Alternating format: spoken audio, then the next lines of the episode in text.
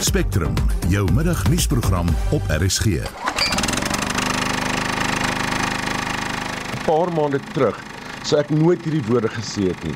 Maar ons is nou al tevrede om 3 keer 'n dag vir 2 ure op 'n slag af te wees. Dis nie reg nie, maar om te aanvaar maak dit seker bietjie makliker.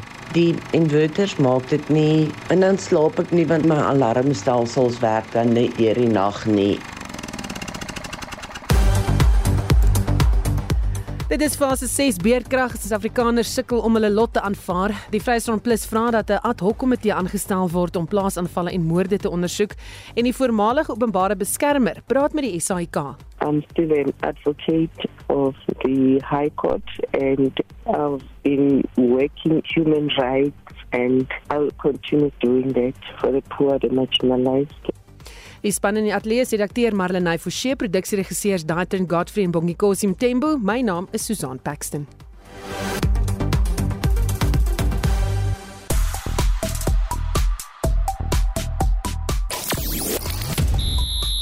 Die Wêreldbeker word ontneem van een van die beste hakkers in rugby. Malcolm Marx se kniebesering is 'n massiewe terugslag vir die Springbokke.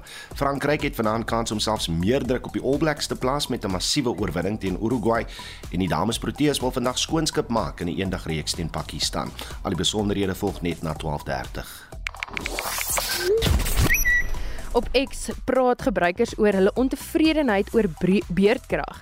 Onder die hitsmerk Stage 10 lewer verbruikers hulle mening oor hoe beerdkrag glo vererger onder president Cyril Ramaphosa se leierskap en dat fase 10 moontlik Suid-Afrikaners se voorland kan wees. En op Facebook berig verskeie mediahuise oor Apple wat later die maand hulle nuwe iPhone 15 selfoon bekend maak.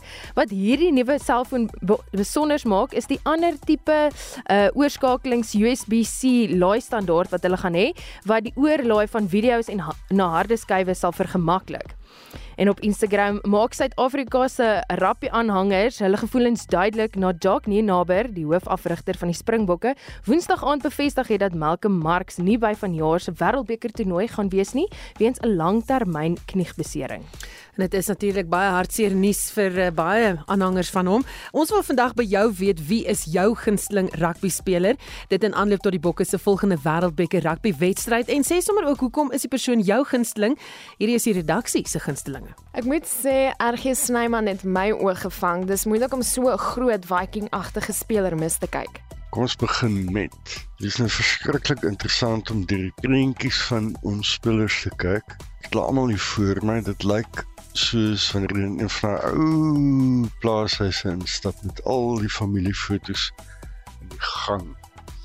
Baie baie plegtige manne die, né? En die eerste ding wat ons opval, met my opval is uh Fauste Klerk, hy lyk dit wat soos Asterix, nee, maar net van 'n lekker groot angsnor groot. So waar is die objects in hierdie galery? Willers. Vincent Koch miskien Ox, dalkies paar groot ouens hierson, né? Ek geniet vir Fafte Klerk vreeslik baie. Hy's soos 'n klein blitsige Jack Russell wat net die hele tyd oral is. Ek wil nie kyk as Melke Marx nie kan speel nie. Nou ja, ek voel soos Marlies as Malcolm nie op die veld is nie, is ek nie meer seker of ek wil kyk nie. Laat weet vir ons wie's jou gunsteling rugby speler en sê ook hoekom. Stuur 'n SMS na 45889, SMS se kos R1.50.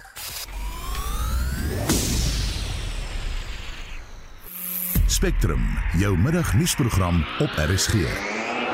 Dit is nou 9 minute oor 12, lang ure van duisternis. Dit is hoe Suid-Afrikaners die land se kragkrisis met die toepassing van beerdkrag op fase 5 en 6 ervaar.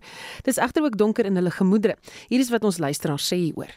Beerdkrag het 'n geweldige negatiewe impak op my lewe, beide uit 'n persoonlike oogpunt en ook uit 'n inkomste oogpunt. Ek bedryf 'n Airbnb.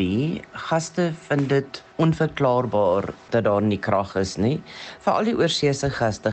Die naderdraai daarvan is is dat gaste dan nie vir 'n mens oordeel op hulle uh, verblyf nie en dis waarop Airbnb werk. Airbnb werk oor wat jou gaste van jou dink en hoe jou gaste jou diens ag. En as jou diens nie goed genoeg geag word nie, dan verloor jy jou superhost status of dis moeilik om weer superhost status te bekom.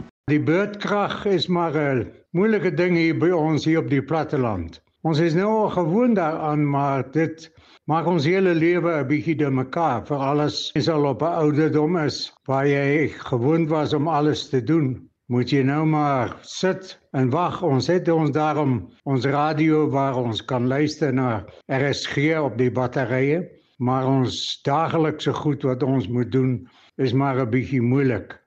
Weet jy, dis ondenkbaar as ons gedink het 'n paar maande terug sou ek nooit hierdie woorde gesê het nie. Maar ons is nou al tevrede om 3 keer 'n dag vir 2 ure op 'n slag af te wees. En ons leef maar om dit en ons is eintlik dankbaar as dit net 2 ure op 'n slag is. Wat 'n mens breek is hierdie 4 ure, hierdie fase 6 storie. Dit is hel om daardeur te gaan. Ek het nou maar op my tande gebyt en ek het 'n omskakelaar of 'n inverter gaan koop vir die Rugby World Cup want ek kan eenvoudig nie hier sit en daar word rugby gespeel en ek kan nie daarna kyk nie.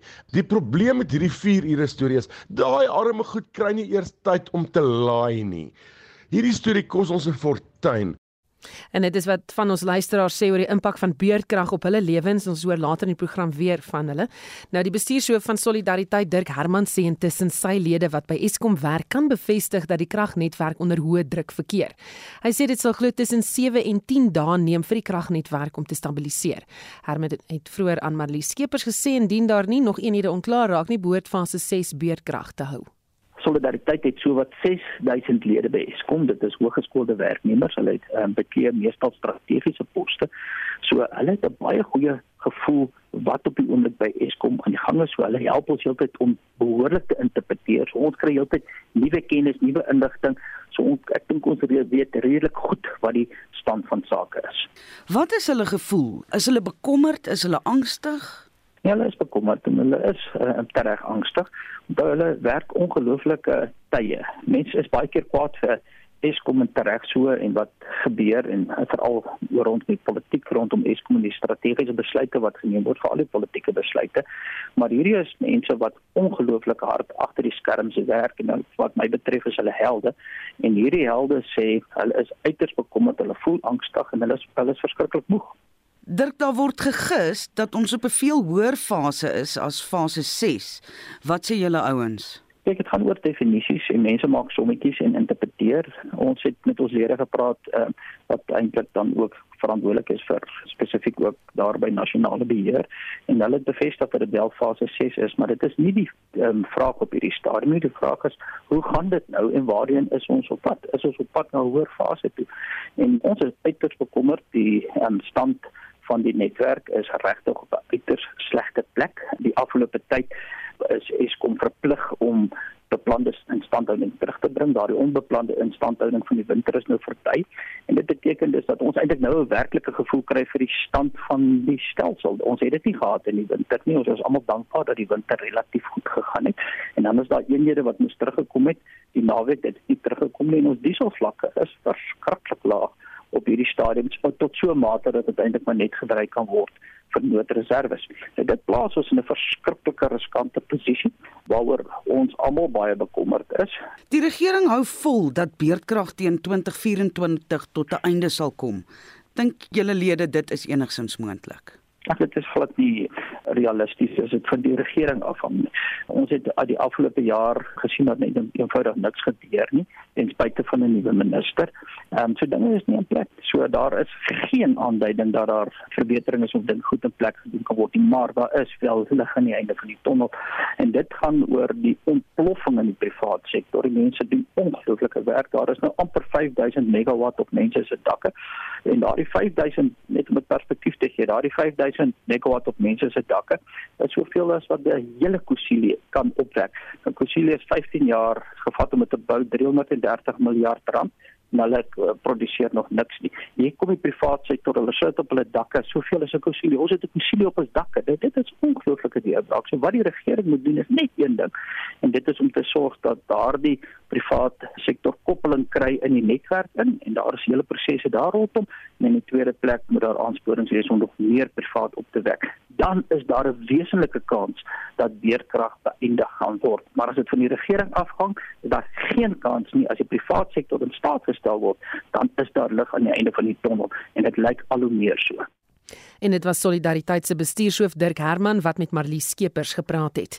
Ons bly by die kragkrisis. Gemeenskapslede in Philippi op die Kaapse vlakte is briesend nadat onwettige kragverbindings verwyder is. Kaapstad sê die verbindings van vandalisme en kabeldiefstal het die munisipaliteit in die tweede kwartaal van die jaar meer as 4 miljoen rand uit die sak gejaag. Aanmanay Eckart berig, pogings om die verbindings te verwyder het ewige teenkanting uitgelok. 'n Eerste poging om die onwettige aansluitings te verwyder was onsuksesvol en woedende gemeenskapslede het vasgeskop. Hulle sê die stad ignoreer al jare lank hulle lot. Die stad is eintlik die ene hier waar die wet verbreek. Hulle onneem ons konstitusionele regte Hier's mense wat krane het wat water verkoop. Hier's ou mense wat met 2 liters bottels moet stap van hier tot daar agter. But they want to do this. Hulle wil dit aan ons doen. Om eerlik te wees, los dit. Because in ander gemeenskappe dan hang dit soos wat, soos wasgoedlyne. Hoekom word ons in 'n gevat? Hoekom word ons in 'n gevat? Das skalo. Das ander plekke.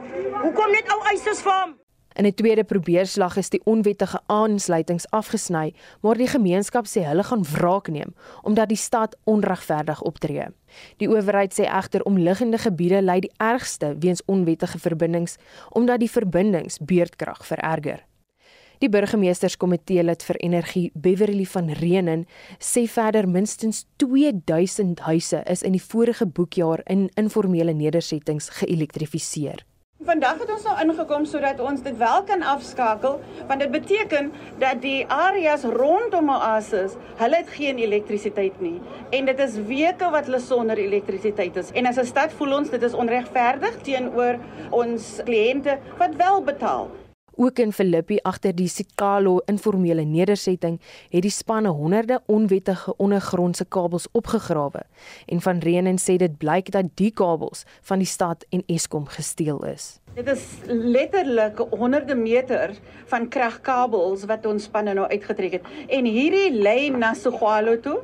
So ek hierdie hierdie operasie was baie definitief 'n sukses gewees vandag en ehm um, vroeër het dit amper gedien asof dit nie 'n sukses was nie, maar ek kan hier staan vandag en ek kan sê dit was 'n sukses. Van Renen sê twee vragmotors vol kabels is van Sikalo en die Oasis plaas ontkoppel en verwyder. Die verslag deur Vanessa Puna Ek's aan my Eckart vir SAK nuus. Nou steeds in Kaapstad hou lede van die groep uh, People's Movement for Change vandag 'n optog na die burgersentrum. Dis nou om hulle bekommernis oor onder meer hoë water en elektrisiteitstariewe uit te lig, asook die beweerde onregverdige behandeling van informele handelaars, kwessies om die behuisingstekorte in die stad en veilige openbare vervoer. En so gepraat van betogings die Noord-Kaapse Gemeenskapsgesondheidsorgwerkersunie wat geaffilieer is met die Suid-Afrikaanse Gesondheidsorgwerkersforum, het vandag voor die kantore van die departement van gesondheid in die Noord-Kaap betoog. Die werkers voer aan dat hulle nie enige verhogings in hulle toelaa ontvang soos die res van die staatsdiens nie en ook nie nuwe uniforms nie. Die woordvoerder van die groep, Gail Moorcraft, sê hulle is werkers of ja, hulle is werkers wat die gemeenskap direk bedien, maar word deur die regering geïgnoreer. Our grievances are actually concerning the issue of the back date that we were supposed to be getting as from April. And till to date, we did not even get the month, the back dates. It's just letters running around. And there was a letter that the Chief Director, Makiti, signed on the 11th of August 2023. And they said that concerning our back dates, it's in circulation. But at the end of uh, September, still there was nothing. And also, when I made a query two weeks back with the salary department, they said that, okay, nothing is being loaded again.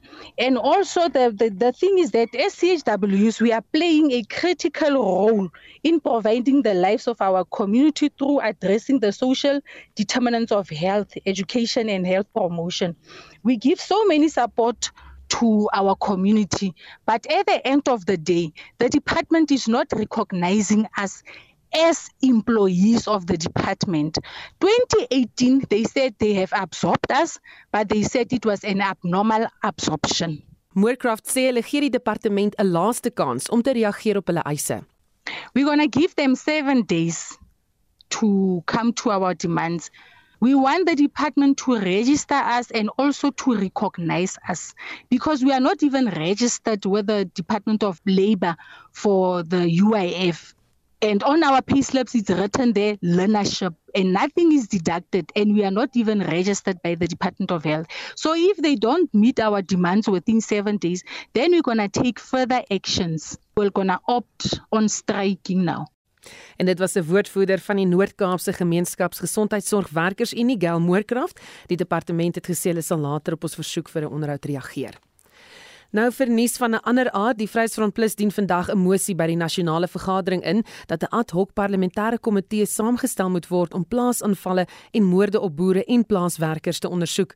Die mosie sal ook voorstel dat plaasaanvalle en moorde as 'n prioriteitsmisdaad verklaar moet word. Die voorstel word vanmiddag in die parlement gedebatteer en sal volgende week in die nasionale vergadering dien. Ons praat nou hieroor met die leier van die Vryheidsfront Plus, Dr Pieter Groenewald. Goeiemôre Pieter.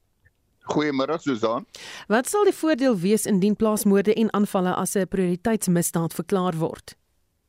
Wel, die eerste plek, dit beteken dat jy gaan gespesialiseerde persone kry wat ondersoeke kan doen en dit gaan daartoe bydra dat byvoorbeeld die oortreders uh, baie vinniger gevang word en dat behoorlike leers voorberei word om te verseker dat hulle wel skuldig bevind word.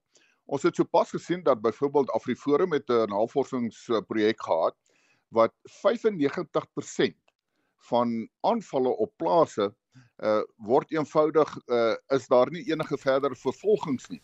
Met ander woorde, dit beteken die misdadigers kom weg daarmee. So as dit 'n prioriteitsmisdaad het, is in verklaar word, dan het jy gespesialiseerde persone wat verseker dat die oortreders wel skuldig bevind kan word. Hm. Want wil hulle hê moet so 'n ad hoc komitee ondersoek? Wel, ons uh, maak die uh, kan ek sê raamwerk redelik wyd. Ons wil hê byvoorbeeld hulle moet uh, byvoorbeeld gaan kyk na die sogenaamde landelike beveiligingsstrategie. Uh dis nie 'n slegte dokument nie, maar dit gaan oor die praktyk hoe dit uitgevoer word. Ek kan byvoorbeeld sê die uh, strategie maak voorsiening dat daar byvoorbeeld hommeltuie deur die polisie beskikbaar gestel word, maar dit gebeur nie. Uh, dit is die eerste ding waarna byvoorbeeld die komitee moet gaan kyk.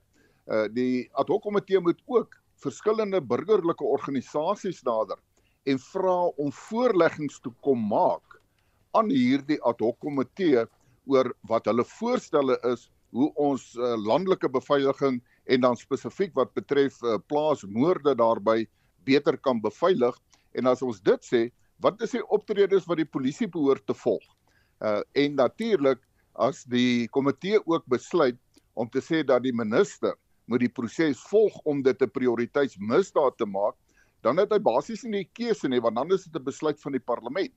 En dit is basies die kan ek sê die hoofaspekte van hierdie ad hoc komitee om dan sulke aanbevelings te maak om dit dan af te dwing. Ons praat al jare.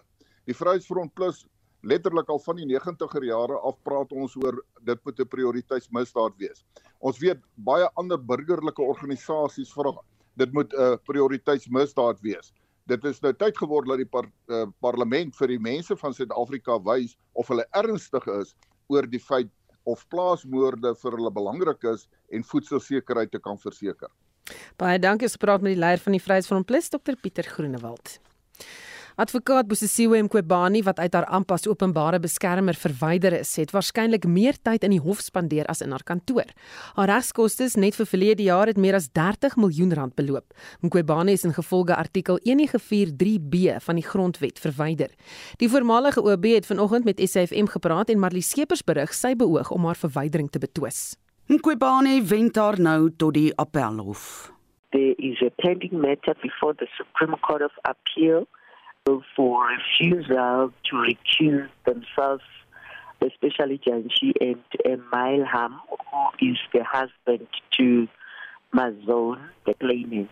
So the process was riddled with a lot of irregularities, unlawfulness, and uh, one of the key one is the issue of uh, one of the committee members, late Dina Jumat Peterson, um, the alleged ex of bride by the chairperson Majodina, and uh, because of their anger. And the ethics committee just clearing them based on lies in, in those uh, recordings. Sy sê sy gaan nou na haar skorsing en verwydering as OB haar op menseregte toespits. I'm still an advocate of the High Court, and for me, I've been working as a, as a human rights um, advocacy person, and I'll continue doing that for the benefit of the poor, the marginalized. I will still operate in that particular space. And it doesn't mean that I must join any political party. I'll be the leader in my own right uh, to defend and protect the, those who are failed by the system. In antwoord op 'n vraag dat sy dalk 'n beter regspan moes oorweeg het, het sy geantwoord dat advokaat Dali Mpofu die regte keuse was. That's very disrespectful to think that uh, advocate Mpofu will just put things in my head. But again, he's a very respectable attorney, uh, advocate who's been practicing for years and years. En oor kritisie wat sê sy het nie 'n begrip van die reg nie. I would say to them, um, let them not just mislead the country and let them focus on the law and, and facts. And I mean, that's terrible for them because on all the, the, only the five cases which I was brought to appear before the committee, out of the 412 reports I've issued. And uh, it's very disheartening to hear people talk like that the very same judges who've lost some of the matters in higher courts and um, being labeled as this person who doesn't understand the law and mm-hmm. working with very experienced uh, lawyers in, in whatever uh, one is, is doing. Dit was advokaat Busisiwe Mqobane en ek is Marlies Skeepers vir SAK nuus. Die toekoms van landbou is een van die hoofbesprekingspunte by Nampo Kaap die jaar. 7000 besoekers het reeds besoek afgelê op die eerste dag van die landbouskou wat in Bredasdorp gehou word tot Saterdag. Groen energie en die ontwikkeling daarvan is ook hoog op die sakelys. Ons praat nou met die organiseerder van Nampo Kaap, Detoy Wessels. Goeiemôre Detoy. Môre, Gadzane, luister, ja, ek lekker koue dag. Dit is bietjie koud koud hier by ons ook gelukkig so. Hoe verskil die skou van die groot boetie wat hier op Botawil in die Vrystaat gehou word? Kom ek sê vir jou Susan, um, ons verskil dit nou altyd is 'n streekskou. Ons Botawil skou is ons nasionale een. Ehm um, die daar is ons vir die nasionale liggame. Hierdie is 'n streekskou gebaseer op Weskaap. Ehm um, ons is ook 'n bietjie Dit is ook bietjie meer gestigte in Dit toe jy moet vir my dalk so 'n bietjie skuif. Jou sein is besig om weg te breek. So kon nie daai laaste sin van jou hoor nie. Okay, okay ons kyk nee, hy lyk vir my nog steeds bietjie sleg. Goed, ons gaan terug hier aan die kontrolekamer kyk of ons hom effe beter kan kry. En terwyl hulle dit doen, ek sien daar is 'n klomp SMS'e wat instroom oor wie is wie se gunsteling rugby speler. Eben Etzebeth is uh, my nommer 1 speler. Hy's definitief 'n eister. Dwayne Vermeulen speel ook baie goed sê die luisteraar. Pieter wat sê ek hou van Dwayne Vermeulen uit leierskap en hy's nie bang vir harde spel nie. Groete sê sy. Nog 'n luisteraar wat sê nee, wat hierdie beerdkrag, praat sommer oor die beerdkrag ook veroorsaak in asem van fumes van generators sê die persoon. Gauteng 4 ure per dag uit 8 ure is erg. En die nuwe minister het dan nou anders beloof sê hierdie persoon dan eh, Pieter van Rooyen van Port Elizabeth sê of Kebega sê al die vleuels is my hero solank die bal by hulle binne die eerste paar minute by hulle uitkom uh, Jason Colby stop sê hy. En dan sê nog 'n luisteraar uh, Faf de Klerk um, is uh, dan is, is kort en hy's 'n redder en dan sê hy ek mis vir Eloise. Dit voel of ek geskei is. Dis nou lood wat so sê en Eloise wat so 'n bietjie af was like dit vir my die afgelope paar dae. En sorry maar hy klopper sê Faf de Klerk. Hy's pragtig en dan 'n klomp ekse agterna wat sy gesê het. Kom ons kyk of ons nou al uh, vir uh, vir nee, ons nog nie vir die toy nie, ons kyk of ons hom later terug kan kry uh, in die program so bly ingeskakel. Lyk vir my ons die toy wessels terug. Hy's organiseerder van Nampo Kaap. Die toy, is jy daar? Ja, ek kan julle my nou hoor, Susan. Ja, so hoor jy dan nou beter. Sê vir my, wat is van die hoofbesprekingspunte wat julle daar gaan hou die jaar? Voor ek gister was ons premier hulle het nie gewees vir ons en het gepraat oor uh, die energiekrisis en vorentoe. Vandag was ons baie bevoorreg. Vanoggend was Gordon Beloos hier gewees die burgemeester gepraat oor uh, die natuursak ons praat oor uh, genola bedryf uh, hulle gaan ook oor die veebedryf vanmiddag praat so ja dit is die aktuele onderwerp waar hulle praat en dan Dus aan die waarvan jy sê nou luisteraars, die vroue sit ons tent is 'n klein vir die damesprogram. Sy sit op die gras buite en kyk na die groot skerm vir ons uh, vir Willem Botha en Jacques de Priester hulle. Wel, sy klink vir my na lekker lekker kuierfees daar en soveel mense dat die sein plat trek. Ons gaan later weer probeer uh op 'n later stadium om by om te hoor hoe dit gegaan het. Dit was die organiseerder van Nampo Kaap, die Toy Wessels.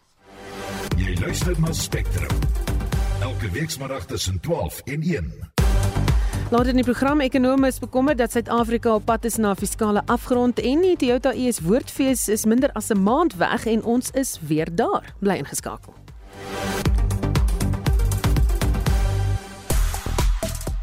Nou ons praat oor rugby en oor beerdkrag vandag. Hier's nog van ons luisteraars se ervarings. Kyk, 'n ou moet aanvaar beerdkrag as hy om te bly. As jy nou nog nie gewoond is daaraan nie, dan sal jy nooit gewoond raak daaraan nie. Dis nie reg nie, maar om te aanvaar maak dit seker bietjie makliker. My 1 kW inverter in die huis is 'n stukkie toerusting waarsonder ek nie kan nie. Ek kan amper nie dink dat die algemene huishouding nie so iets het nie. Johnny Early van Durban af. Beerdkrag is maar 'n groot probleem vir ons almal, die hele land. My hart gaan regtig uit na mense wat besighede het.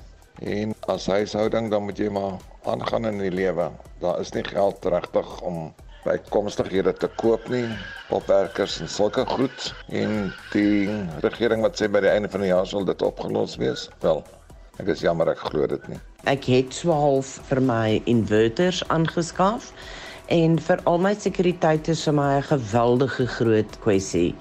En as ons hier so op, op fase 6 load shedding is, die inverters maak dit nie as daar vir um 10 tot 12 ure per dag nie krag is nie.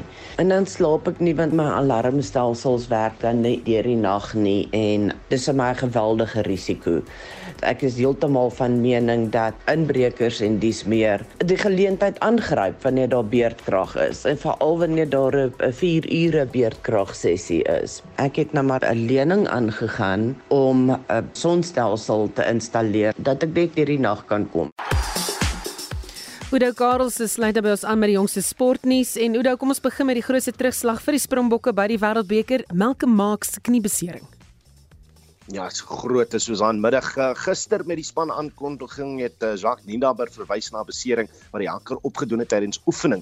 Nou hy's ook gister al gestuur vir 'n skandering. Daar's vanoggend wyd bespiegel oor die erns van die besering. Ek het weer eens by by my bronne by die Wêreldbeker die storie by by mekaar begin krap en toe kom maar presies 10 uur vanoggend 'n plasing deur uh, Springbokke, deur die Springbokke uh, op X wat toe die nuus bevestig Mark se Wêreldbeker is neusie verby. Dis wel 'n knie ligament wat hy beseer het. Ek verneem die afrigspan gaan nog nie 'n beseringsplaasvervanger inroep nie, alhoewel Joseph Dweba bystaan. Die flank Marco van Staden het blykbaar in gister se oefening lyn staan gooi uitgevoer terwyl Dion Fourie ook 'n dekking bied in die hakkerposisie indien Bongium Benambi nou nie op die veld is nie. Marx was gelukkig nie in die 23 taal vir die uh, naweek se kragmeting teen Roemenië nie. Uh net die voormalige Springbok sit Lawrence se pakke gevra of hy wel 'n plaasvervanger sal oproep na die spelersgroep. Dit beteken nou Duba moontlik hy bly fiks op die oomblik. Ek sal hom onmiddellik stuur dat hy daai kan kan regkom. Hulle maak plan B met van Staden wat in die lenskan gaan gooi. Miskien die plan is een van die stitte gebrek op bakker wat waarskynlik nie gaan sleg wees nie, maar kom ons sien wat maak hulle. En dan in aksie of uh, in Frankryk dit duur voor daar met die gasheerland teen Uruguay. Dis korrek en die span se skop afrigter Vlokseleer sê die uh, atmosfeer in die kamp is baie goed. Dit nou na die openingsaand oorwinning teen die All Blacks. Ja, ons is regtig baie bly en baie tevrede oor ons eerste wedstryd met die opening van die Wêreldbeker teen die All Blacks. Daar was baie druk op ons gewees en nou, ons het dit reg gekry met die tweede helfte beter rugby te speel en druk op die All Blacks te sit en sodoende die wedstryd weg te neem van hulle.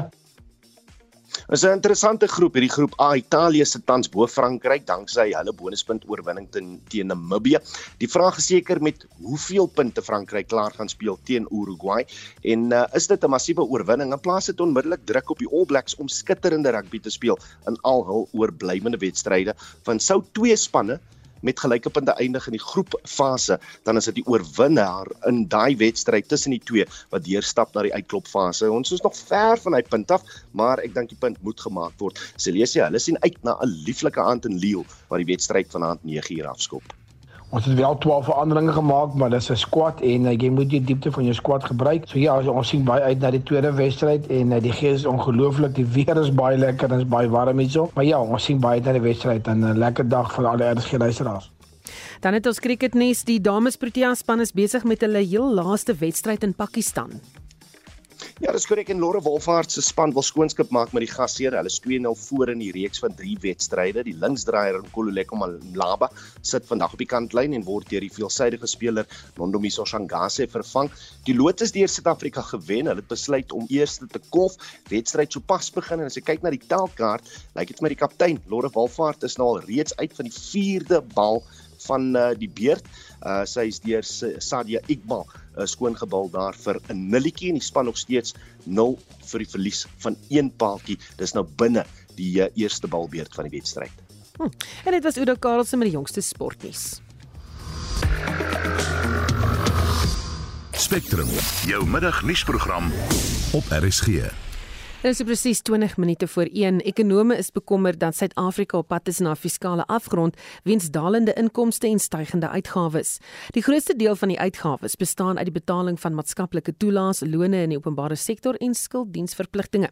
Verskeie ekonome vra nou vir groter mededinging in die politieke en ekonomiese sfere asook 'n sterk verbintenis om staatsuitgawes te beperk. Ons praat nou met die hoofekonoom van die Efficient Groep, Dawie Rood. Goeiemiddag, Dawie. Goeiemôre. Verduidelik eers vir ons wat presies word bedoel met fiskale afgrond. Jong, as mens praat oor 'n fiskale afgrond dan hang ek seker af wat 'n ekonomie vra, maar ek dink 'n goeie definisie vir 'n fiskale afgrond is waar die staat se rentekomponent op sy totale uitgawes voortdurend besig is om toe te neem. So onthou, dis dieselfde soos 'n individu of 'n huishouding. As jy vreeslike klomp geld skuld en met elke maand meer en meer aan rente betaal aan jou skuld, dan moet jy minder op ander goeder spandeer en ek sou sê dit is 'n goeie definisie van 'n van 'n sogenaamde fiskale afgrond.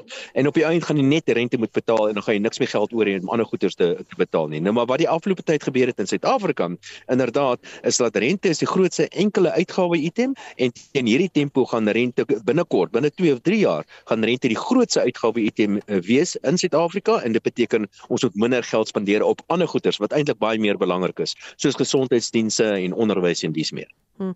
Wat is die redes vir die huidige stand van sake? Die rede vir die huidige stand van sake eh, sake is is maar is vir baie jare om die waarheid te sê baie dekades is 'n wanbestuur van die staat se finansies. Die afgelope tyd, die afgelope klompie jare en dit het begin eintlik met met Pravin Gordhan, het die staat net eenvoudig te veel geld gespandeer, geld wat wat die belastingbetaler net eenvoudig nie meer kon bekostig nie, want op die einde is dit belastingbetaler se geld wat gespandeer is. En ons het goed gesien, ons het veral twee uitgawe items gesien die afgelope tyd wat baie toegeneem het, af, afgesien van die rentekomponent, maar twee ander uitgawe items, die een is die salarisrekening van die staatsdiens het die afgelope tyd in die meeste gevalle meer as inflasie gestyg en dit beteken dat omtrent 'n derde van totale staatsuitgawes vandag gaan na salarisse van staatsamptenare. En die tweede grootste uitgawe item wat ook bygedra het tot hierdie groot probleem het te doen met die staatsbeheerde instellings en ons het reusagtige bedrae na die staatsbeheerde instellings oorgedra die afgelope tyd. En, en ten spyte daarvan is hulle nog steeds baie baie diep in die moeilikheid. Ek praat van Eskom Suid-Afrikaanse Lugdiens Denel die poskantoor die hele ou lot. So dis dis die twee groot te veel verhogings aan staatsamptenare se salarisse en die ander een is die geweldige oordragte in die staatsbeheerde instellings. Het jy ander voorstelle om hierdie saak reg te stel? Wel ek kan dis baie maklik. Ons weet wat die antwoorde is op hierdie tipe van goeder. Die staat moet minder spandeer of hy moet sy inkomste verhoog. Nou om inkomste verhoog beteken onvermydelik om belastings te verhoog en ek kan vir jou sê daar's nie meer ruimte in die ekonomie om belastings werklikbaar te verhoog nie. So dit beteken ons moet uitgawes besnoei. Maar dit is polities baie moeilik om te doen. Stel jy nou maar voor dat die minister van finansies sê hy gaan nou salarisvermindering gee vir die staatsamptenare of stel jy nou maar voor hy gaan nou nie meer Eskom geld aan Eskom te oordra nie. So polities is hierdie ding verskriklik moeilik om staatsuitgawes te, te besnoei veral net voor 'n verkiesing. So ek ek dink die probleem werklik in Suid-Afrika is nie werklik ekonomies of finansiëel van aard nie. Die eintlike probleem het te doen met politiek. So ons moet eers ons politieke probleme oplos voordat ons sterk en goeie politieke leierskap kan kry wat bereid is om hierdie baie moeilike besluite te neem. Ons al meer wat begin praat en sê maar Suid-Afrika is 'n mislukte staat. Wat is jou mening? Wel, ek dink nie Suid-Afrika is 'n mislukte staat nie, maar ek dink die Suid-Afrikaanse regering het misluk.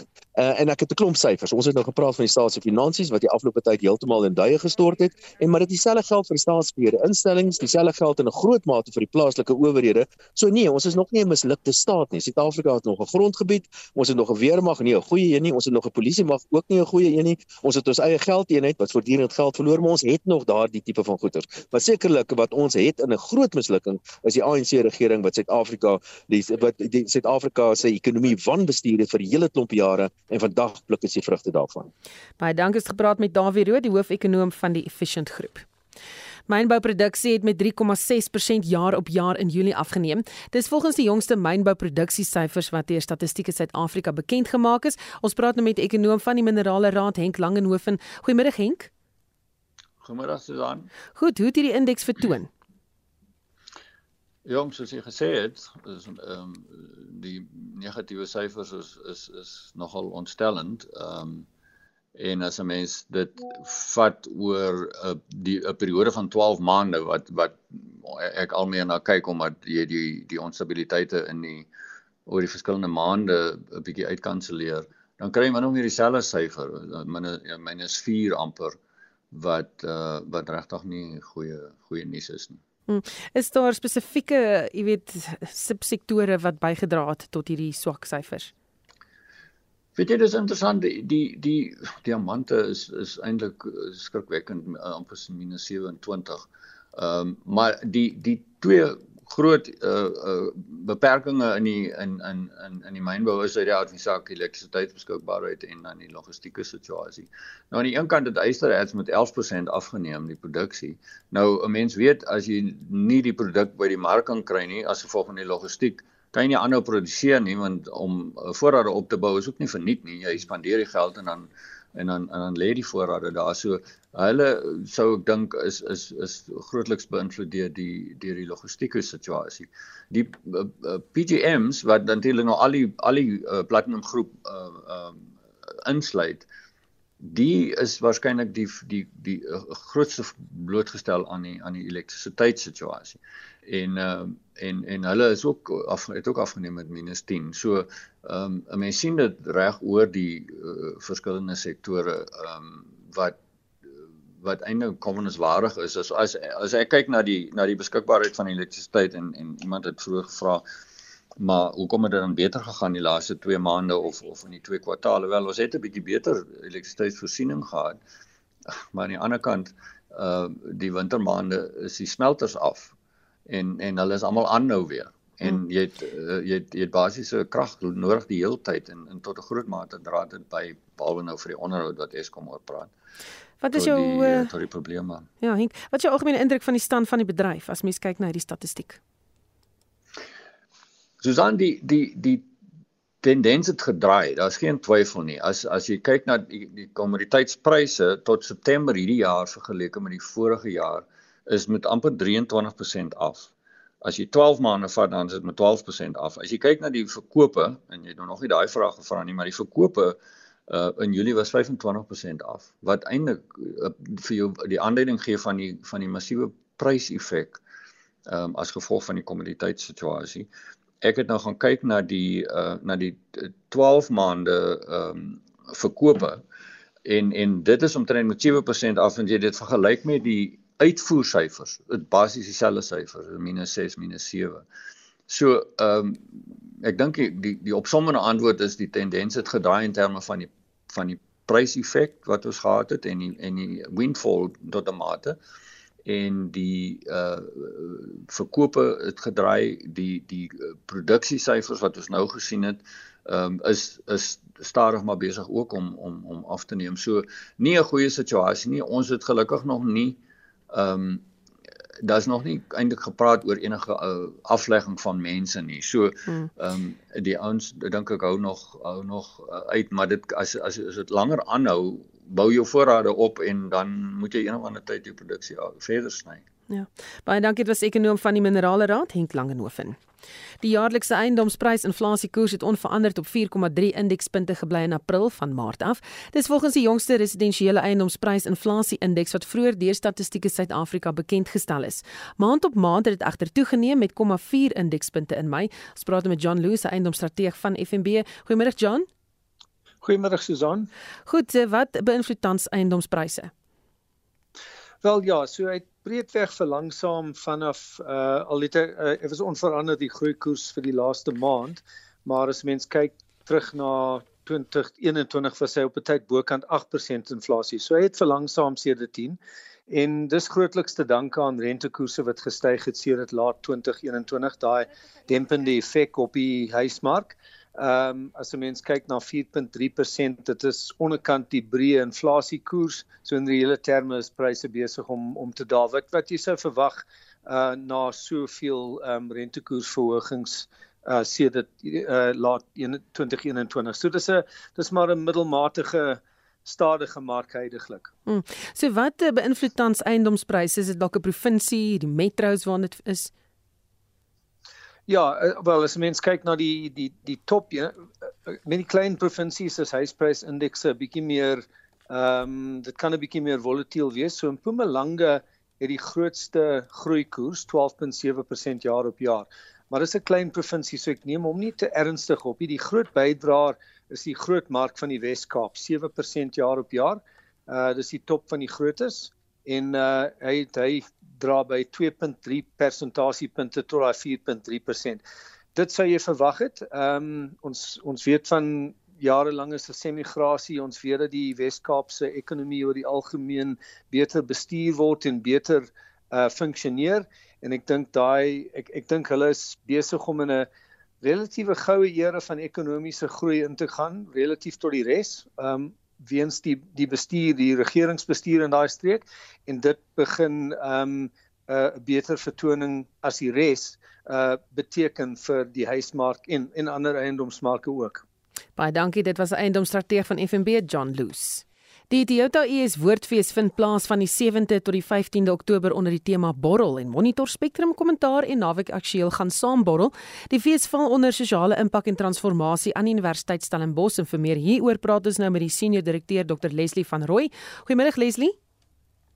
Hallo Susan, goeiemôre. So, hoekom sou julle betrokke raak by so 'n fees? Ja, dit is natuurlik vir Universiteit Stellenbosch ongelooflik lekker om deel te wees van die fees om die houer of die platform van die fees te wees. Ehm uh, dis vir ons belangrik sodat ons kan verseker dat ons akademiese aanbod so ruim as moontlik is en dat die fees kan inspel op wat ons aanbied. Dis ook belangrik omdat ons weet dat die fees die dorp saambring. Die verskillende gemeenskappe van die dorp kom saam, jong en oud, verskillende skole, agtergronde, gemeenskappe. En dan bovenal is dit belangrik ook omdat ons weet dat dit die uh, manier is waarop die US sy plek in die dorp wil bevestig ook as ekonomiese 'n uh, rolspeler uh, en ons sien uit na 'n heerlike fees later die jaar in Oktober. Dit is effe daaraan geraak, maar daar is stemme wat beweer die woordfees is 'n eksklusiewe fees vir mense met baie diep sakke. Steek dan waarheid in hierdie kritiek? nee, wat is ook 'n uh, fees vir arme mense soos ek. Ehm um, daar's ongelooflik baie gratis uh, programme en platforms by die woordfees. Al die diskurs is gratis. Jy gaan daar wees hoop ek Susan. Ja, ja. Ons kan die hele tyd uh, langs uh, uh, die die die opstaan ateljee sit. Um, ons probeer om die kaartjiepryse so laag as moontlik te hou, maar dit is natuurlik so uh dat die opstel van lokale reg oor die dorp uh die betaling van kunstenaars wie se brood en botter dit is en 'n investering in die infrastruktuur wat ook insluit uh dorpsinfrastruktuur uh ehm um, is natuurlik belangrik en daar is 'n kostekomponent. Maar ek dink dis 'n fees om te geniet vir almal en uh, ek hoop mense koop kaartjies en kom sit in die gratis ehm um, sessies sodat ons saam kan gesels. Mm, jy weet dit nog net nie, maar jy gaan op my verhoog wees iewers so boek nou maar daai boek van oh. jou uit. Gou-gou vinnig een een ietsie wat jy kan neem waarna jy baie uitsien. O, yesterday, jy vra altyd die moeilike vrae as dit uh, kom by een ding, ek dink daar is natuurlik toneel in die woordfees is die ton, toneel waarskynlik die uh, piek of die kenmerk van die fees. Die moeder is weer daar. Ek sien uit na Boesak. Uh waarskynlik ook gegee my teologiese agtergrond, maar daar's vele ander en dan natuurlik is universiteitskoor wat optree een van die gewildste verkopers sien ek tot nou. Uh so tussen daai drie uh dink ek is daar 'n spektrum wat homself baie netjies gaan inkleer by die fees. Fantasties. Ons sien uit om jou daar te sien. Dit was Dr. Leslie van Rooi, senior direkteur sosiale impak en transformasie aan die Universiteit Stellenbosch. Estie hou oog oor die nuus, Estie. Uh Susan, die um, ons begin by die nuus dat die voorsitter van die Posbank, Tobele Wansi en twee ander raadslede uit die direksie van die staatsbeheerde bank bedank het en in hulle bedankingsbriewe beskuldig die drie die minister van kommunikasie en digitale tegnologie, Mondli Gungubele van inmenging en dat hy onnodige druk op die raad toepas. Hy sê die erns van die saak en die swak verhouding tussen die raad en die minister ondermyn die geloofwaardigheid van die bank. Die Posbank sukkel steeds om die mas op te kom weens 'n tegniese fout wat daartoe gelei het dat duisende ontvangers van maatskaplike toelaas nie hulle uitbetalings kon kry nie. En daar is op die oomblik 'n media-konferensie aan die gang waar Gungubeli en die minister van maatskaplike ontwikkeling Lindiwe Zulu 'n oorsig sal gee oor die oorsake van die tegniese probleme en watter maatreëls ingestel sal word om te verhoed dat dit nie weer gebeur nie. Die staatsbeheerde wapenvervaardiger Denel het aan die parlement se portefeulje komitee vir openbare ondernemings gesê hy is op die herstelpad. Denel sê die 3,4 miljard rand reddingsboei van die regering werp vrugte af en die waarnemende groephoof Mike Kobe sê terwyl Denel 'n klomp mense met jare se ondervinding en vaardighede verloor het, is hy vol vertroue dat die maatskappy van die vaardighede sal kan terugkry. Ons jou ook uit om in te skakel vir Brandpunt vanmiddag om kwart voor 6 vir 'n oorsig van jou dag se nuus. En dit was Estie met 'n oorsig van die nuus en ontwikkelende stories. Baie dankie Estie. Klop mense wat uh, gesels oor die rugby steeds sê nee, jene ek hou van Faf, ek hou van Dwayne Vermeulens, Pieter Steff de Tooi, klomp uh, stemme gekry hierso.